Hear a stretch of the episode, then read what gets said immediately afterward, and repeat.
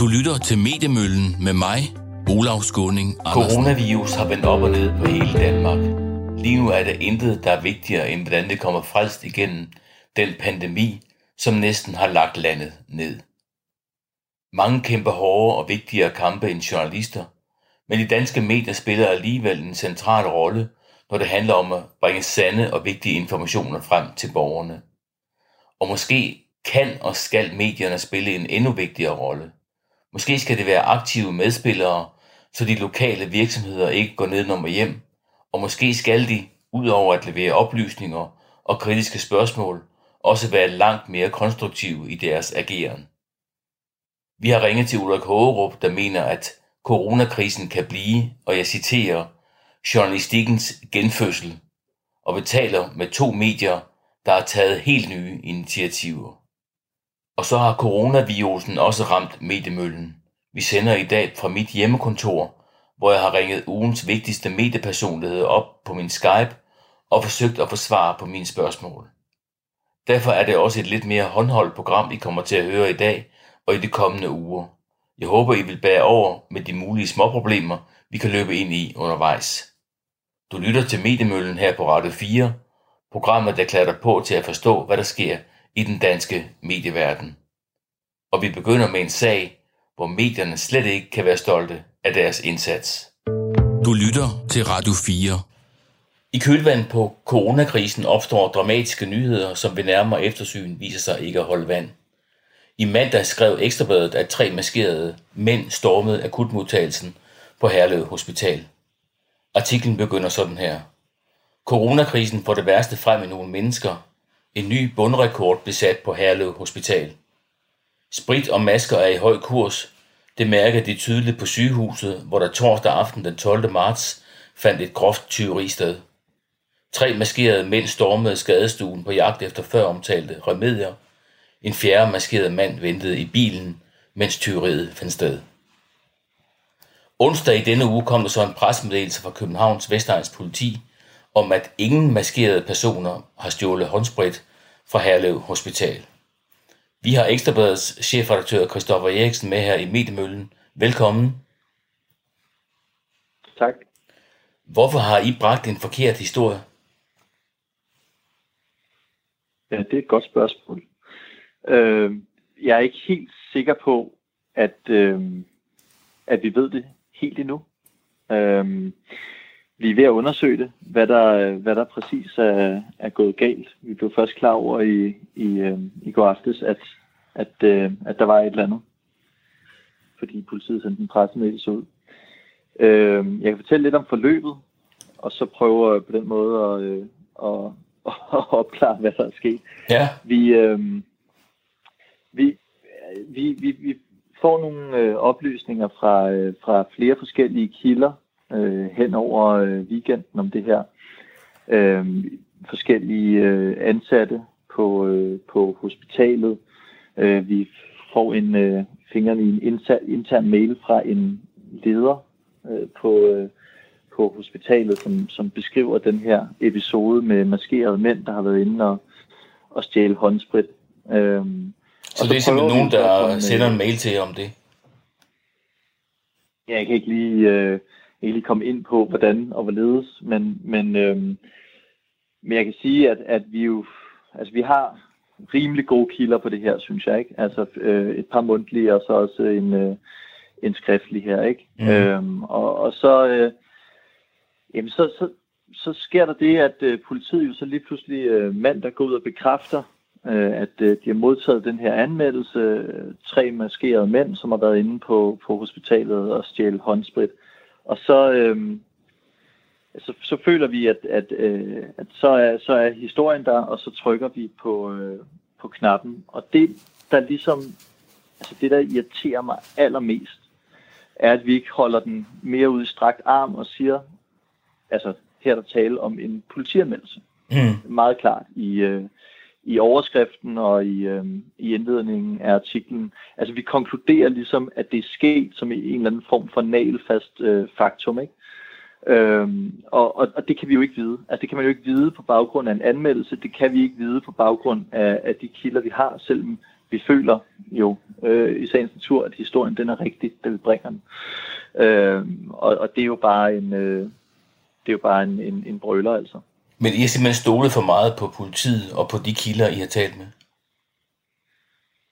Øh, altså, jeg tror godt, man kan sige, at vi har stolet for meget på de kilder, vi har talt med. Altså, politiet gør jo egentlig bare det, at de bekræfter, at de har fået en anmeldelse. De bekræfter jo ikke, at, at, at det er sket. Der er jo ikke rejst en, en tiltale eller en sigtelse. Øh, de er jo lige, øh, altså de bekræfter bare, at de har fået en, en anmeldelse, og det var det, vi skulle have, have vinklet på. Altså, at, øh, at det er blevet politianmeldt det her, og at, øh, at vi har øh, kilder, som beskriver forløbet, men altså holdt det meget mere ude i, i strakt arm, i stedet for på den måde at gå ud med en, øh, en, en synes jeg, alt for bombastisk overskrift. Ja, for I skriver netop, at Ekstrabladet har været i kontakt med flere kilder, der fortæller om de voldsomme scener, der udspiller sig på hospitalet. Hele episoden skulle efter mm. sigende være hurtigt overstået, hvor store maskerede mænd rev alt ned på deres vej og kørte væk i en bil, der ventede ved udgangen. Den udlægning, den øh, lægger politiet jo fladt ned. Altså, hvordan kan I have kilder, øh, der bekræfter en tilsyneladende forkert historie? Ja, det forstår jeg øh, heller ikke overhovedet. Og det, det, vi, det vi faktisk vil lave en historie om. Altså fordi, øh, jeg, jeg, jeg, jeg forstår ikke, hvordan vores kilder kan have opfattet det her altså så forskelligt fra, hvad der er foregået ifølge politiet. Øhm, og og jeg, jeg, jeg må lægge mig fladt ned og sige, at øh, selvom jeg har brugt en del tid på det i dag, og også sat en journalist på sagen, så er det simpelthen ikke lykkedes mig at finde, finde ud af, hvad der er årsag til den diskrepans mellem de to øh, forklaringer. Altså no, en, en plausibel forklaring kan være, at der er nogen på det her hospital, som har altså, man oplevet det anderledes, end det har været. Altså, øh, det kan også være definitioner af, af maskering, der, mm. er, der, er, der er forskellen. Altså, vi har ligesom, vores kilder har fortalt om altså hætter og så sådan nogle øh, hals ting, som man, man kan hive op over næsen. Øhm, det kan være, at politiet ikke betragter det som, som maskering, men, men, men jeg ved det ikke. Det kan også være, at folk har set forkert. Øhm, jeg, jeg, jeg er faktisk øh, jeg er lige så rundt på gulvet, som, som du er. Men, men der var jo, det er jo en historie, som, som ligesom gik, gik rundt i mediebilledet. Det er ikke en, der, der overtog mediebilledet, det er fuldstændig rigtigt. Det er en historie, man lagde mærke til, fordi den var så dramatisk, ja. og øh, okay, nu er vi kommet så langt ud i Danmark, at man simpelthen overfalder akutmodtagelse og, og hugger håndsprit. Mm. Altså, øh, er der panik udbredt i Danmark? Øh, så, så det er selvfølgelig en historie, som vi gerne vil finde ud af, hvad der er op og ned på. Er det noget, som I øh, udreder, tror du? Vi forsøger i hvert fald altså det bedste, vi kan. Øhm, vi, øh, vi, vi bragte historien i går om, om politiets øh, efterforskning og slog den øh, stort op på vores site for at være sikker på, at, at så mange som muligt ligesom så den. Øhm, øh, jeg, det er klart, at, at, at en anden ting, der irriterer mig enormt meget, er jo netop, at det er en historie, som er kommet meget bredt ud. Altså det, det, det er en historie, som folk har talt om, ikke? Øh, så derfor så har vi altså også et, et, et stort ansvar for, at så mange som muligt ligesom øh, får den anden side af sagen. Øh, og det, øh, det prøver vi. Vi har, vi har bragt en rettelse i den artikel, der, der blev skrevet i første omgang. Vi har bragt en nye historie, og, og så vil vi også forsøge, øh, så godt vi nu kan, men jeg kan ikke love noget, at få opklaret, hvad der egentlig skete den torsdag aften på, øh, på Herlev Hospital. Det ser vi frem til, og øh, de sidste spørgsmål. Skal I ikke være ekstra påpasselige i disse ja. tider, hvor folk kan blive opskræmte og paniske, fordi vi er i en krisesituation? Jo, det er jeg fuldstændig enig i, og det, øh, det var vi ikke i det her tilfælde, og det var en klar fejl. Tak til Christoffer Eriksen, chefredaktør på Ekstrabladet. Selv tak. Du lytter til Mediemøllen med mig, Olav Skåning Andersen. Ekstrabladet har skrevet en artikel om de nye oplysninger i sagen. At der ikke var maskerede mænd, der havde stjålet håndsprit på Herlev Hospital, og har derudover på den oprindelige artikel tydeligt tilføjet, at artiklen indeholder mange forkerte oplysninger.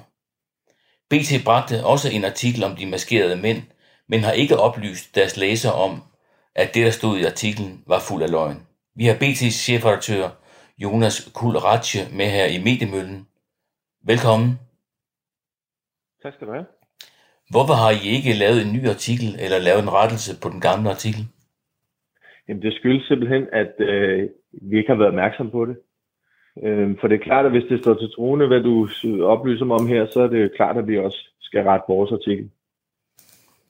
Så det vil sige, at vi kan regne med, at der kommer en ny artikel, der fortæller om, hvad der rent faktisk, eller hvad der for politiet skete i Herlev, at der ikke var maskerede mænd, der tog håndsprit. Øh... Ja, hvis det er det, der passer. Fordi jeg er jo stadig lidt forundret over sagen. Du har lige, det er dig faktisk, der gør mig opmærksom på, at der er noget galt med den her historie, så jeg ikke har haft mulighed for selv at tjekke det. Øh, men det er jo oplysninger, vi har fra øh, politiet, fra hospitalet selv og fra en regionsrådsformand, så det kommer utrolig meget bag på mig, at hvis det viser sig at være en and. Men hvis det viser sig, at det er, som du siger, så skal vi selvfølgelig rette det. Og hvornår vil det ske, tror du? Jamen det vil ske, når jeg har lagt på her, vil jeg ringe ind på redaktionen og se, øh, om ikke vi kan få det gjort med det samme. Altså politiet har meddelt, at de på grund af efterforskning er kommet frem til, at der ikke var maskerede mænd, der stormede hospitalet i Herlev.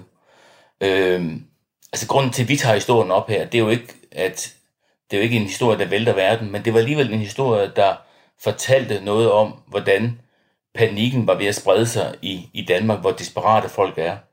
Øh, når man laver den slags historie, så bør man vel også være opmærksom på, øh, hvis der kommer rettelser til historien. Men naturligvis øh, skal vi det. Øh, men det er som sagt nyt for mig, så jeg har ikke selv haft øh, mulighed for at tjekke op på det. Og, øh, men hvad er det, du siger? Altså har der slet ikke været stjålet noget sprit, eller er det det, at de ikke havde masker på, eller hvad er det, der, der er det forkerte i artiklen? Altså politiet går ind og siger, at, at øh, der ikke er maskerede mænd, der har hugget håndsprit i Herlev på øh, hospitalet i Herlev. Hvad der så er sket, det øh, foregår stadigvæk lidt i, så der, i det uvisse. Så vi ved ikke, om der er blevet stjålet håndsprit, eller det er fordi, om de havde masker på? Eller hvad? Vi ved, at, at, at politiet har trukket den oplysning om, at det er maskerede mænd, der har, der har øh, angrebet øh, Herlev Hospital. Det er de trukket i land. Og det har, er der andre aviser, der har gået ind og lavet rettelser ja, ja. på. Jamen, det skal vi selvfølgelig også rette, hvis det forholder sig sådan. Jeg undrer mig over det, fordi det er ret detaljeret i, i artiklen, der står, at de har et registreringsnummer, og de har overvågning. Øh, det oplyser politiet selv, at de har fra hændelsen. Ja. Så det undrer mig virkelig, hvis den ikke har fundet sted, at de først siger, at de har et registreringsnummer på en bil og noget overvågning på en hændelse, hvis den så ikke har fundet sted. Øh, men det er klart, at hvis, hvis det ikke vidderligt ikke har fundet sted, og hvis de trækker alle de oplysninger tilbage, så vil vi også rette det på BT. Hvad er jeres normale retteprocedure, når I, op, og I opdager fejl? Jamen, vi retter i øverst i artiklen, øh, og, og skriver, hvornår vi har, vi har rettet i den. Okay. Og øh, det vil også ske i det her tilfælde? Ja, selvfølgelig. Så skal vi lige finde ud af, hvad der er op og ned i den. Det er godt. Sagen. Tak til chefredaktør Jonas Kullerati fra BT. Jamen, selv tak. Radio 4 taler med Danmark. Hamstring under coronakrisen har gentagende gange vagt farvelse siden krisens omfang for alvor gik op for befolkningen i forrige uge. Derfor passede det også fint ind i fordommene om egoistiske og hensynsløse medborgere, da Jyske Vestkysten i tirsdags bragte en artikel med overskriften Esbergenserne ignorerede statsministeren igen, nyt stormløb mod Bilka. Sagen er bare den, at historien slet ikke er rigtig, og Jyske Vestkysten har siden fjernet artiklen. Hvordan sådan en fejl overhovedet kan opstå, og hvordan man i det hele taget laver journalistik i disse udfordrende tider, skal vi nu tale med Mads Sandemann, chefredaktør på netop Jyske Vestkysten om. Velkommen til Mediemøllen, Mads. Tak. Lad os starte med jeres tilbagetrukne artikel om stormløbet mod Bilka. Hvad skete der der? Der sker det, at vi får meldinger om, at Bilka kalder ekstra medarbejdere ind til deres kasselinjer i forventning om, at der kommer øget øh, travlhed. Så tager en øh, journalist ud og øh, er på parkeringspladsen, hvor han sidder og skriver en klade til en artikel, der er ikke reportageelement i artiklen, men han begynder at lave et udkast til, at hvis der nu kom en hamstringsbølge øh, af øh, forbrugere, jamen så var det det, der kunne danne grundlag for en artikel. Han finder så ud af, at der kommer ikke nogen øh, hamstringsbølge, og øh, han kører hjem igen, og vi bringer ikke artiklen, tror vi, men med en beklagelig fejl, så bliver den her klade gjort online i cirka en halv time. Og det er jo noget, der ikke må ske. Hvordan sker den fejl? Artiklen, Den sker, at det er en menneskelig fejl, at der er en, der kommer til at gøre en, en kladeartikel øh, online. Det må jo bare ikke ske, og det har vi jo bagefter indskærpet. Øh, der er ikke nogen undskyldninger for det. Vi gør det med det samme det, at vi lægger en ny artikel ud, hvor vi beklager, og vi lægger et øh, Facebook-opslag ud, der har fået over 200 kommentarer, det er en del over 100 gange, hvor vi klart gør redde for, at vi har begået en fejl, og vi lægger os fladt ned øh, og undskylder. Der er jo mange lyttere her, kan jeg forestille mig, der ikke helt forstår det der med at lave en klade. Altså man, når man laver en artikel, så skriver man vel noget, der er sket. Hvorfor laver man en klade? Det gør man i nogle tilfælde, øh, når vi ved, at der er en stor historie undervejs, hvad enten det er en byrådsbeslutning eller det er en sportskamp, jamen så går man i gang med at lave et udkast til en artikel. Men vi publicerer jo altid først, når vi ved, at der er hold i det, vi øh, skriver. Og det vil sige, at der er jo ikke et spørgsmål, om vi sidder og digter øh, noget, men vi forbereder os, øh, ligesom vi forbereder spørgsmål til interview, forbereder vi også nogle gange dele til en artikel. Og det var det, der skete her. Og det er en artikel, der slutter med et par punkter midt i det hele. Det var helt klart en ufærdig tekst, der vil beklage de fejl kommer til at blive gjort online. Men det er vel en form for, for digt, hvis man skriver om noget, der ikke er sket endnu, som man tror sker? Ja, men det helt afgørende er, at vi kan aldrig finde på at publicere den slags. Øh, det er jo en fejl, at det sker, og det må selvfølgelig ikke ske. Vi er dokumentarister, og det er meget vigtigt, at det vi skriver, at det kan folk øh, stole på, og det gør vi også rigtig store bestræbelser på i den her sammenhæng. Så vi er også rigtig meget over den her situation. Det giver os nogle riser i troværdigheden, men vi fastholder stadigvæk, at den rolle, vi spiller som medie i den her tid, er rigtig vigtig. Vi er et af de steder, hvor folk kan få noget troværdig, uafhængig information. Vi er både kritiske over for myndighederne, vi er oplysende, vi fortæller, hvad der sker i virkeligheden. Vi gør folk i stand til at både tage stilling og handle i den her svære tid.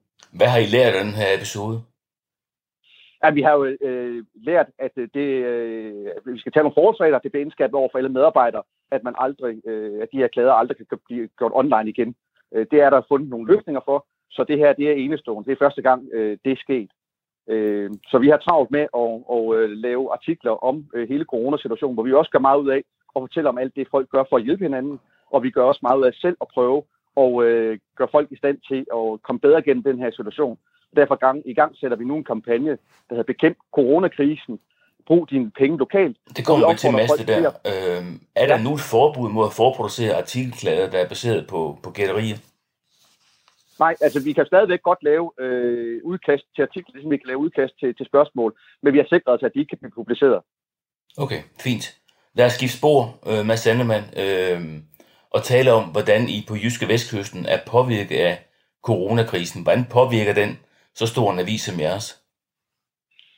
Den øh, påvirker os rigtig meget. Øh, det øh, har været uvist, hvordan det var, ville være at arbejde om de her forhold. Jeg sidder selv hjemme, det har jeg gjort siden sidste uge.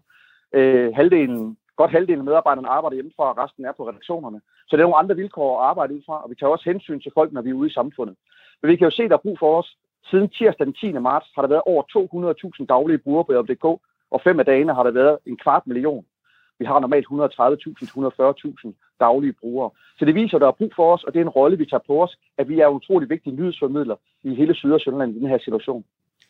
Hvordan klarer I udfordringen ved, at de ikke rigtig kan bevæge jer rundt, øh, både hverken som journalister eller fotografer? Jamen, der er det jo øh, heldigt øh, med de digitale muligheder. Vi har mulighed for at interviewe folk øh, på Skype. Øh, vi har mulighed for, at folk kan sende os billeder. Vi har for eksempel i gang sat en serie, hvor vi beder øh, frontlinjemedarbejdere i sundhedsvæsenet om dagligt at sende os dagbøger om, hvad de oplever. Altså folk, vi ikke normalt vil komme i kontakt med, de mm. sender os fotos, videoer osv. Og det er også noget, vi har tænkt os at, at samle op som et historisk dokument om den her periode i Danmarks historie. Er det en helt ny måde at lave journalistik på? Det er i hvert fald en meget anderledes måde. Vi bruger jo mange af de samme øh, redskaber, men i stedet for at mødes fysisk til redaktionsmøder, jamen, så har vi daglige Skype-møder, hvor vi taler sammen. Og det er jo en øh, udfordring, som øh, giver rigtig god mening for os som journalister, der sker ikke de samme ting, som der sker normalt med begivenheder og politiske dagsordner, vi forholder os til. Her er der et stykke virkelighed, vi skal beskrive så godt som muligt, og vi skal selv udvikle idéer til, hvordan vi kan få fat i de rigtige historier. Øh, så det er en, en opgave, hvor man kan sige, at øh, vi øh, som medie virkelig skal leve op til, til, til vores mission som, som lokalt medie, og det, det synes jeg både er, er spændende og udfordrende, selvom det er en trist situation. Hvad er jeres vigtigste rolle i den her tid, hvis du skal skære det ud i pap? det er at være et modstykke til de sociale platformer, alt det andet, der foregår på nettet. Mm. Konspirationsteorier, myter og propaganda og hvad der ellers kan være. Øh, der er både autoritære regimer og alle mulige trolde, der forsøger at øh, forurene den, det offentlige rum, kan man sige. Og der er vores rolle som uafhængig medie, at folk skal kunne stole på, at det vi laver, at det også er korrekt. Og derfor er det også så rigtig ærgerligt, at den her Bilka-historie kom ud forleden dag. Og heldigvis er det jo sådan, at alt det andet, vi laver, det kan man stole på øh, som læser, og det skal man også kunne. Det er også sådan ofte, at øh, journalistik øh, er, er kritisk, og det er oplysende. Men nogle gange er det også aktivistisk. Har I en aktivistisk rolle i den her krisesituation i Danmark? Absolut. Altså, vi gør opmærksom på, for eksempel, hvad der er muligheder for at øh, handle takeaway i lokalområder. Vi laver et interaktivt kort, hvor folk kan gå ind og se.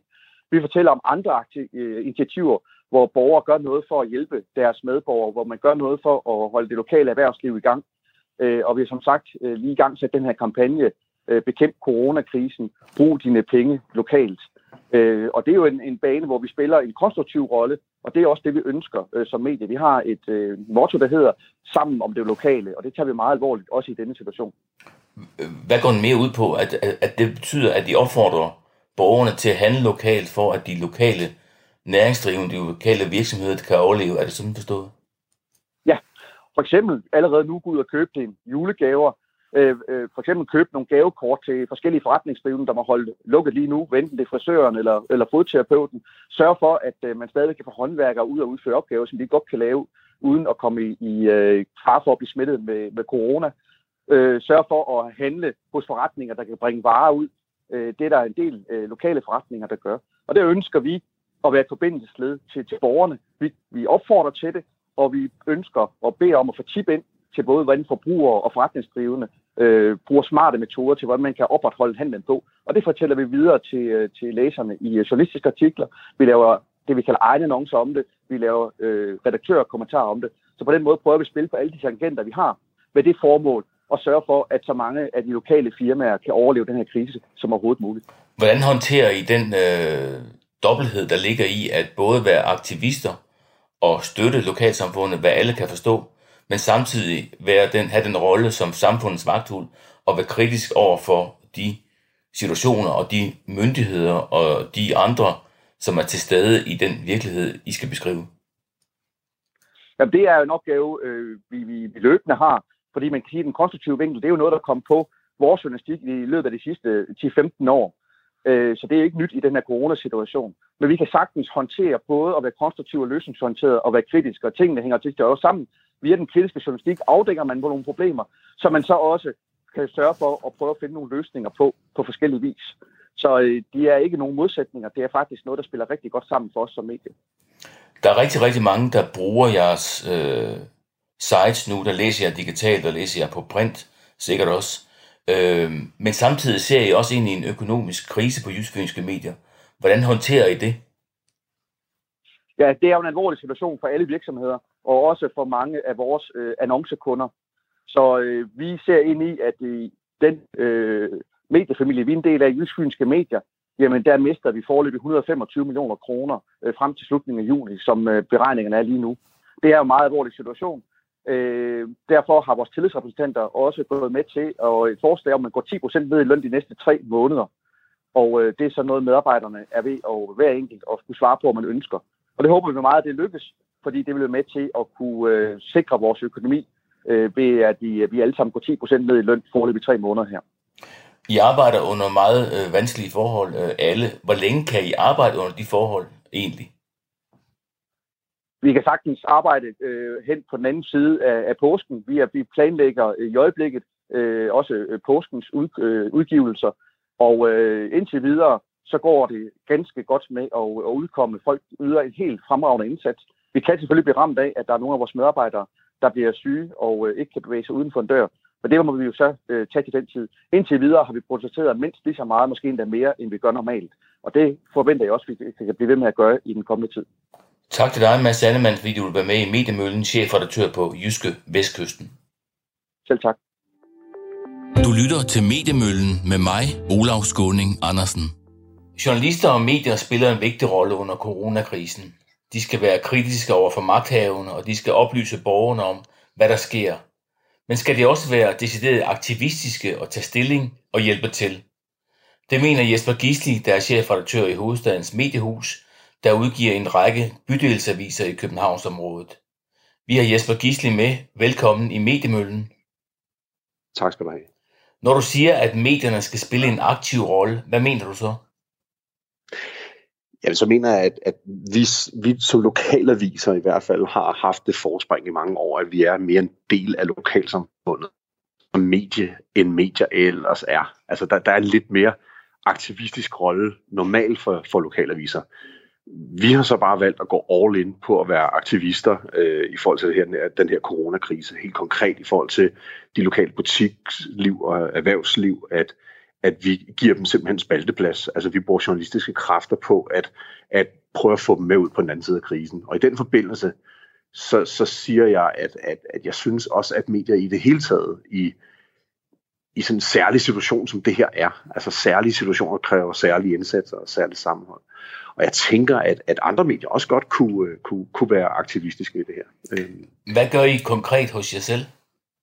Jamen det vi gør, det er, at, at, at vi, vi har to ben. For det første så siger vi til, til alle læserne derude, nu går I ud, og så, øh, og så køber og betaler I nu, og så henter og nyder I varen senere.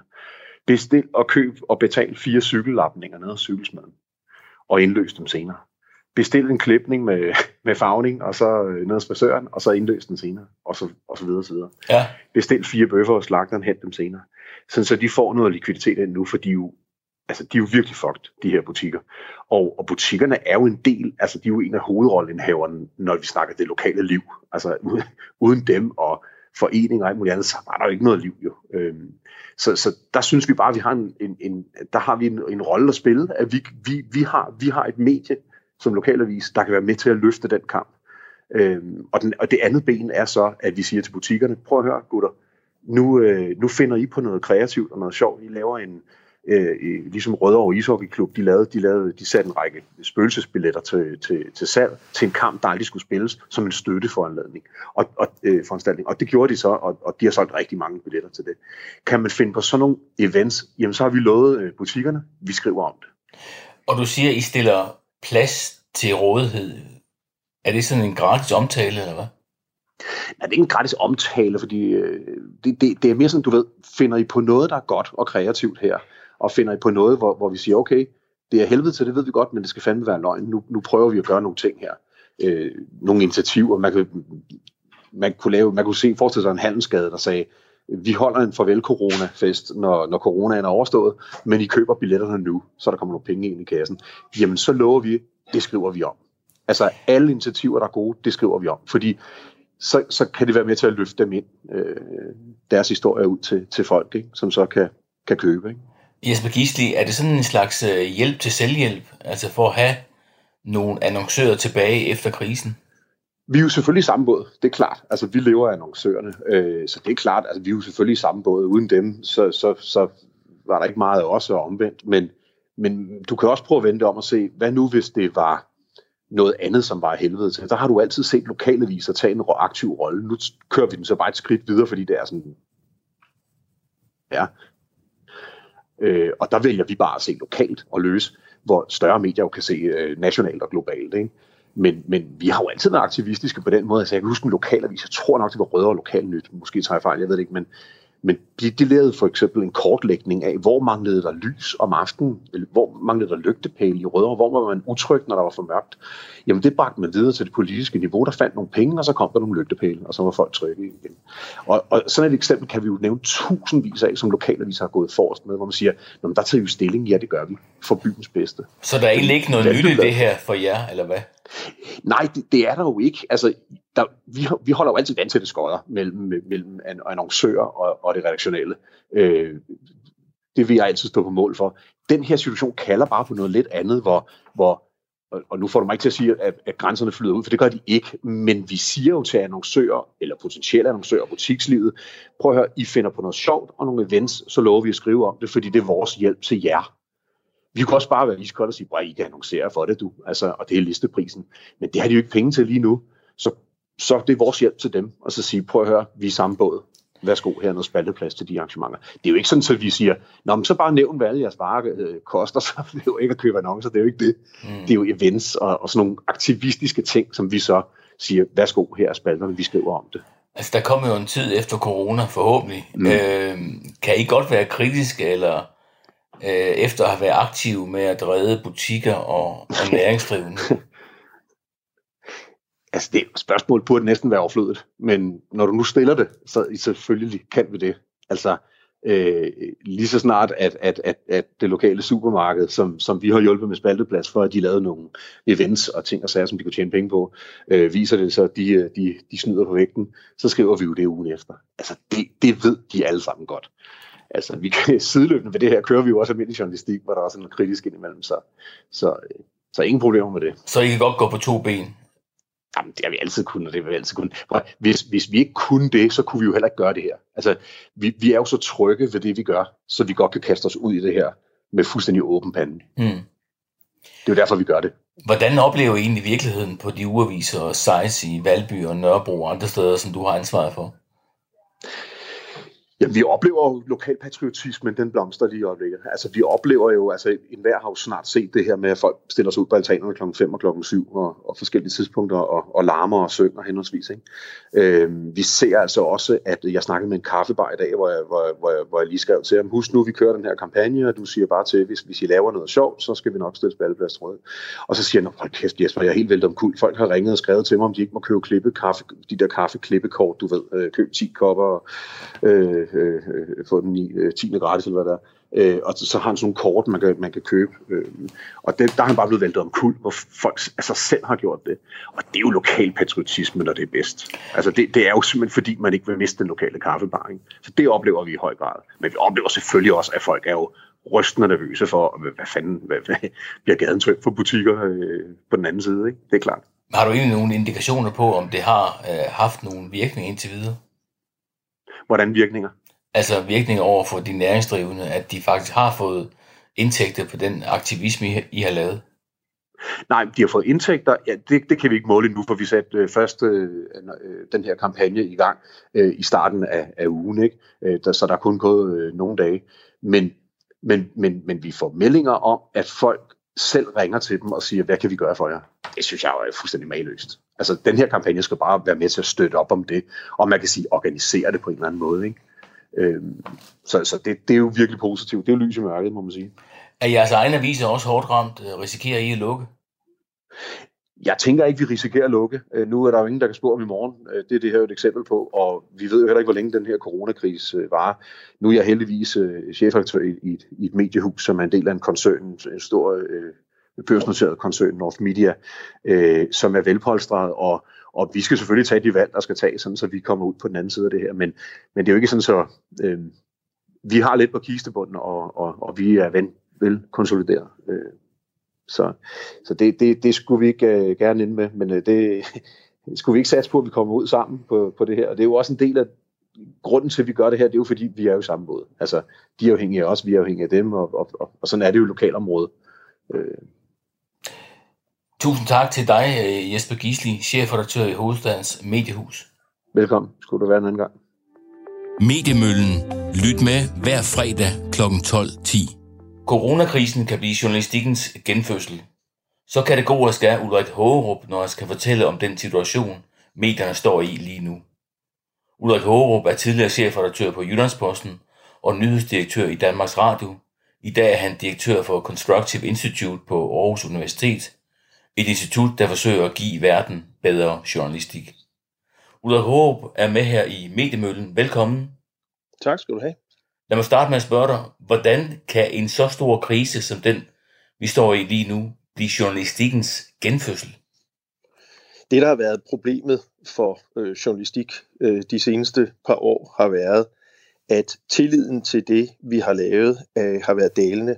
Folks lyst til at bruge tid på journalistik øh, har været dalende. Folks lyst til at betale for det har været dalende. Og fordi at der har været en overflod af information derude, som er gratis, som ligger på sociale medier, øh, har ført til, at rigtig mange mennesker synes, at så behøver jeg jo sådan set ikke rigtig det andet. Der er jo masser af informationer. Den krise, vi står i nu, øh, hvis medierne gør det rigtigt, så vil det være det, som får rigtig mange mennesker til at forstå, at det ikke er ligegyldigt, hvem hvad det er for nogle informationer, de får, og hvem det er, der kuraterer dem. At der er forskel på noget, der er halve vinde og rygter og sladder, øh, og det, der er baseret på journalistiske værdier. Og det ser vi faktisk i hele verden lige nu, øh, hvor pandemien øh, raser, og det kommer til at øh, vare lang tid. Og tilstrømningen til øh, traditionelle nyhedsmedier øh, og den journalistik, hvor man forsøger at gøre folk klogere, forsøger at nuancere billedet, og forsøger, i, når man husker det, også pege frem og give håb, at det, som øh, tiltrækker millioner af mennesker til journalistik og ældre, øh, gamle, kan man sige, medier. Øh, man ser det i Italien, og vi ser det heldigvis også i Danmark. Det har jo et navn, det hedder konstruktiv journalistik. Mange af vores lyttere ved givetvis ikke helt, hvad det er, øh, handler om. Skal vi lige få det på plads først?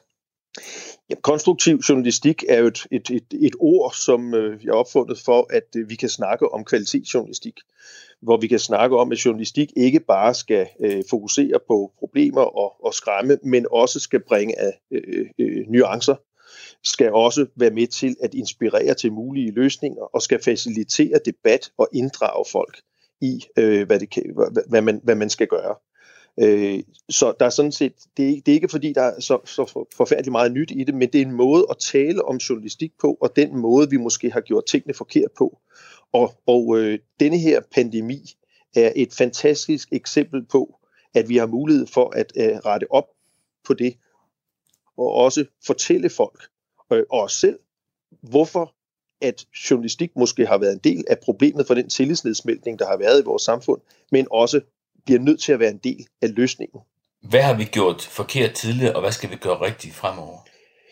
Vi har haft en tendens til, at øh, vi i den stigende krig og opmærksomhed øh, har brugt tabloide måder at fortælle historier på, så det kun handler om alt det, der er gået galt, alt det, der er forfærdeligt, og alt det, der er øh, skrækkeligt, men, men måske ikke øh, i, i samme grad også har stillet spørgsmål, som peger frem nemlig hvad så nu og hvordan, hvad skal vi gøre, bringe historier om håb og om muligheder øh, og om fremtiden. Men det er jo også sådan, at øh, medierne har jo også været ukritiske. Altså for en 3-4 uger siden i Danmark, så øh, mente man ikke, øh, mente medier og eksperter og myndigheder jo ikke, at det kunne ramme Danmark. Har man ikke troet for meget på eksperter og myndigheder, altså og været alt for ukritiske undervejs? Jo, men det her det er jo ikke et spørgsmål om, øh, og diskussion om konstruktiv journalistik og kvalitetsjournalistik er jo ikke et spørgsmål om, at vi skal holde op med at stille kritiske spørgsmål. Og selvfølgelig skal vi det. Øh, der raser jo i øjeblikket sådan en debat, øh, hvor, hvor nogen er ude og sige, at når der er sådan en krise, så skal vi lade være, og så skal vi pakke vores kritiske spørgsmål væk. Det vi skal pakke væk, det er øh, kritiske spørgsmål, som vi kun stiller for at, at vise, at vi er kritiske. Men at, at være kritisk er jo et middel til at fortælle folk den bedste opnåelige version af sandheden det er jo ikke et mål i sig selv at fremstå, som om man er også kritisk. Men, men selvfølgelig skal vi være kritiske. Altså hvis man kigger på USA, skulle man forestille sig, at den amerikanske presse skulle lade være at stille kritiske spørgsmål til den elendige håndtering, det hvide hus har lavet af øh, coronakrisen. Selvfølgelig skal man det, og selvfølgelig skal der også stille kritiske spørgsmål til Danmark. Og det, når, det, når det sker, at det er jo ordentlige kritiske spørgsmål, så er det jo også med til at få myndighederne til at øh, forklare sig bedre. Det viser sig, at de etablerede medier øh, i disse dage har rigtig mange digitale læsere, og folk faktisk søger hen til dem, også her Præcis. i krisetider. Præcis. Øh, de må jo gøre en del godt alligevel. Jamen, og det vil, jeg, det vil jeg så også sige, der bliver lavet rigtig, rigtig meget god journalistik. Øh, og det bliver lavet både af public service medierne og de private medier, som oven i købet har stillet deres øh, indhold gratis til rådighed for folk. Det jeg håber vil komme til at ske, det er, at mennesker og i øvrigt samfund, politikere, forstår vigtigheden af journalistik, og at journalistik jo koster penge. Fordi bagsiden af det her, det er jo, at den økonomiske krise, den erodering af de finansielle øh, modeller, som har finansieret journalistik i, øh, i, i over 100 år, øh, på forhånd var ved at eroderes. Google og Facebook sidder i øjeblikket på 85 procent af den digitale annonceomsætning i verden. Og det er det, som i meget høj grad har finansieret uafhængig journalistik for private medier. Men pandemien her har jo stort set sat en stopper for rigtig, rigtig meget annoncering, og varer denne her krise øh, meget mere end øh, en måned eller to, øh, og det kommer den til at gøre, så vil det her komme til at koste øh, rigtig mange private journalistiske arbejdspladser i verden livet, hvis ikke der også kommer hjælpepakker til, til, til den vigtige samfundsopgave, som journalistikken yder. Men hvad kan vi faktisk gøre ved det? Er, det hjælpepakke, vi skal vente på, eller hvad? Hvis det, hvis det er sådan, at øh, journalistik er afgørende for, at folk får et billede af, hvad der er op og ned, i verden. Hvordan, hvordan virkeligheden virkelig er.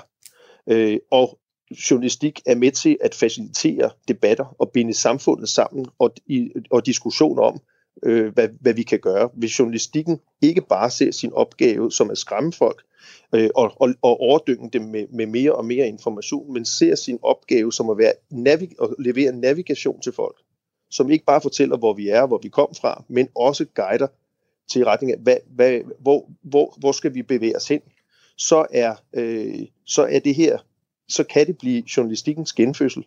Men det kræver, det kræver også, at læsere, lyttere, seere, danskere, politikere forstår, at journalistik jo koster penge. Øh, og i øjeblikket, der har man skåret ned på public service.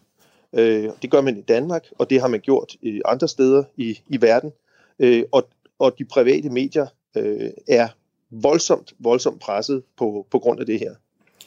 Skal jeg forstå det sådan, at du mener, at journalistikken skal gå på to ben? Altså det vil sige, at man både er kritisk og konstruktiv, øh, så man ja, undgår præcis. ikke blot at være myndighedernes forlængede arm? Lige præcis. Altså, det, det, skal, det skal vi jo ikke. Vi skal, stille, vi skal stille spørgsmål med henblik på at gøre folk klogere. Vi skal, vi skal, vi skal ikke være myndighed, øh, og myndigheder skal ikke redigere journalistikken. Men, men begge har sin meget, sine meget, meget væsentlige opgaver i en situation, som danskerne og verden står i lige nu. At, at give et retvisende billede af, hvordan verden ser ud. Og for at kunne gøre det, så stiller man, så stiller man spørgsmål og forventer at få svar. Men man behøver ikke at være aggressiv, når man gør det. Hvis vi skal blive lidt konkrete, har du eksempler på konstruktiv journalistik, der disse dage kan gøre en forskel? jeg synes, der er heldigvis masser af eksempler, øh, når øh, regionale medier som TV2 Fyn bruger øh, nye teknologiske redskaber til at øh, række ud til, sine, til, til fynboerne og øh, lade deres journalistik dirigere i de spørgsmål, som øh, fynboerne har om corona. Øh, når Jyske Vestkysten rejser masser af, øh, laver masser af historier om lokalsamfund, som forsøger, hvor der er initiativer, der forsøger at hjælpe svage medborgere. Øh, folk, der melder sig frivilligt for at øh, øh, hjælpe til i denne her krisesituation. Øh, forsøger at lave initiativer, der skal understøtte øh, lokale, øh, lokale restauranter og lokale caféer. Øh, forsøger, som øh, øh, øh, sover for og skal dreje nøglen om, hvis ikke øh, civilsamfundet øh, og samfundet øh, understøtter dem. Når store tv-stationer, som TV2 og DR, øh, rydder sendefladen for at øh, stille spørgsmål for de bedste eksperter, man kan finde, øh, for at guide øh, danskerne og give dem bedst opnåelige version af sandheden, så synes jeg, det er fremragende øh, journalistik. Og jeg tror, den slags eksempler er med til at få rigtig mange øjne op for, hvad det er, journalistik kan. Det jeg så også håber, det er, at mennesker, som jo bruger rigtig mange penge øh, og bruger flere penge nu på medier, end de nogensinde har gjort. Øh, men de bruger det bare på Netflix-abonnementer og HBO og øh, Viaplay og deres telefon og den slags. Og så siger de samtidig, at jeg har ikke lyst til at betale for journalistik og nyheder, for det kan jeg jo få gratis på Facebook. Nej, det kan du ikke få gratis på Facebook. Noget, som er kurateret, som du kan øh, stole på. Så jeg håber, at denne her øh, krise, som kommer til at vare længe, kan være med til at få rigtig mange danskers øjne op for vigtigheden af ordentlig, troværdig, kurateret journalistik. Der er mange, der siger, at der er få og færre ressourcer til journalistik. Skal man ikke bruge de penge, der er til at lave kritisk journalistik? Der er jo ikke andre, der gør den slags.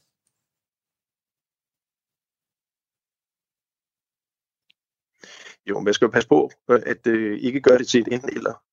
Øh, når man taler om kritisk journalistik, så er det jo som om, at øh, målet med journalistik, det er bare at være kritisk. Og det er det jo ikke. Det er jo at gøre folk klogere. Journalistik i sin grundform, det er jo en feedback-mekanisme, der skal hjælpe samfundet med at korrigere sig selv. Det betyder, at vi journalister, vi skal afdække øh, de problemer, som vi har i vores fællesskab. Men så skal vi også være med til at inspirere til, hvordan de muligvis kan løses, uden at vi skal bestemme, men det er der en rigtig løsning, for det er jo ikke vores opgave. Ja. Så, så jeg synes, at det, det er rigtigt, at ordentlig journalistik, det koster penge. Øh, og det bliver man jo nødt til som samfund at forstå, at, øh, at det er et, øh, et offentligt gode. At hvis journalistik ikke virker i demokrati, så virker demokratiet heller ikke. Og det er jo det, vi er turen af. Hvis man ser USA, hvor jeg har opholdt mig en hel del øh, gange, så må jeg sige, at jeg bliver mere og mere deprimeret hver gang, jeg, jeg tager hjem, fordi der ser man et samfund, som er polariseret fuldstændig, hvor journalistikken ikke bliver opfattet som troværdig, at øh, Fox bliver set af den ene del af befolkningen, og CNN's øh, øh, version af sandheden bliver set af den anden. Øh, og det er to vidt forskellige narrativer, der bliver fortalt. Og public service øh, eksisterer nærmest ikke i USA. Øh, og, og derfor public service-tanken om, at journalistik skal være et tredje sted, skal være uafhængig øh, af økonomiske og, og, og, øh, og politiske interesser, og folk og man skal lave sin historie for, at folk kan forvente, at man ved, hvad man snakker om, og at man forsøger at sætte hensynet til almen interesser, øh, almen ville højere end en sine egne interesser.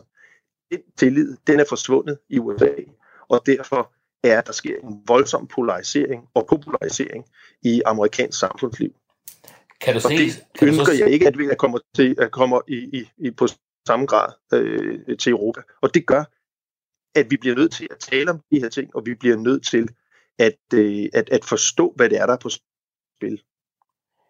Kan du se en tendens ude omkring i verden, så, som er anderledes, at den journalistikken ændrer sig til det positive også? Jeg kan se, at der er flere og flere steder heldigvis, hvor der er lydhørhed over for tankerne om, at, øh, øh, at, at journalistik skal andet end bare være en vare, der skal sælges. Øh, lydhørhed over, at journalistik som i virkeligheden dækker over, at man forsøger at manipulere folk til at mene det samme som sig selv, at det giver øh, utroværdighed, og det ikke er journalistik, men det er aktivisme eller politik. At journalistik bliver nødt til at tage sig selv alvorligt, og den opgave, vi har alvorligt. Det ser flere og flere eksempler på. Og jeg ser også flere og flere eksempler på, at de øh, nyhedsorganisationer, som forstår det og inddrager det i deres strategi, og bruger det som øh, ledetråd for, hvordan man øh, leder og, og, og, og laver sine historier, de får også, de oplever, at der er flere øh, mennesker, der bruger tid på det, de laver. De læser det, og, og de, de klikker mere på det, de ser det mere, og så deler de mere det med, med andre på sociale medier. Så det er ikke bare godt sådan i demokratisk forstand, men det er også godt for bundlinjen. Hvis medierne fremover skal overleve, det som du taler om, og man skal tage, starte på en frisk, hvordan skal de så agere? Jamen, jeg håber ikke, at vi skal begynde på en frisk, men jeg tror, at øh, historien vil vise, at der vil være et før pandemien, og der vil være et efter pandemien. Øh, og jeg tror, de, øh, og jeg tror, der er brug for en, en hjælpende hånd til, øh, til øh, øh, journalistiske virksomheder i en periode, for at de kan, øh, de kan komme igennem en periode, hvor, der, hvor de indtægtsstrømme, som finansierede deres virke, de for alvor er forsvundet. Øh, men når det så er sagt, så, er, så, så, skal vi også, så, skal vi jo, så skal vi også selv lære, at det, som vi har oplevet her øh, i pandemien, hvor vi i Danmark jo i virkeligheden kun er tre dage inde i for alvor har forstået, hvor alvorligt det her er. Øhm, jeg, jeg, jeg tror, at, at øh, jeg tror, at vi også selv er ved at lære til vores egen overraskelse, hvor stort en efterspørgsel danskerne har på den vare, som journalistikken er, på den troværdige information, nuanceret information, som øh, vi er uddannet til at øh, levere. Så hvis vi kan huske, at, øh, at øh, det er det, der er vores opgave, at gøre danskerne klogere på sig selv og hinanden, og, den, og deres position i verden, øh, så vil journalistikken øh, opleve en, en, øh, en genfødsel efter pandemien. Tak til Ulrik Hårup, direktør for Constructive Institute. Mediemøllen. Lyt med hver fredag kl. 12.10. Vi er ved at være ved vejs ende af den lidt specielle udgave af Mediemøllen, der blev produceret på mit hjemmekontor. Tak til alle, der gav sig tid til at stille op. Mediemøllen sendes hver fredag og genudsendes lørdag kl. 12.10.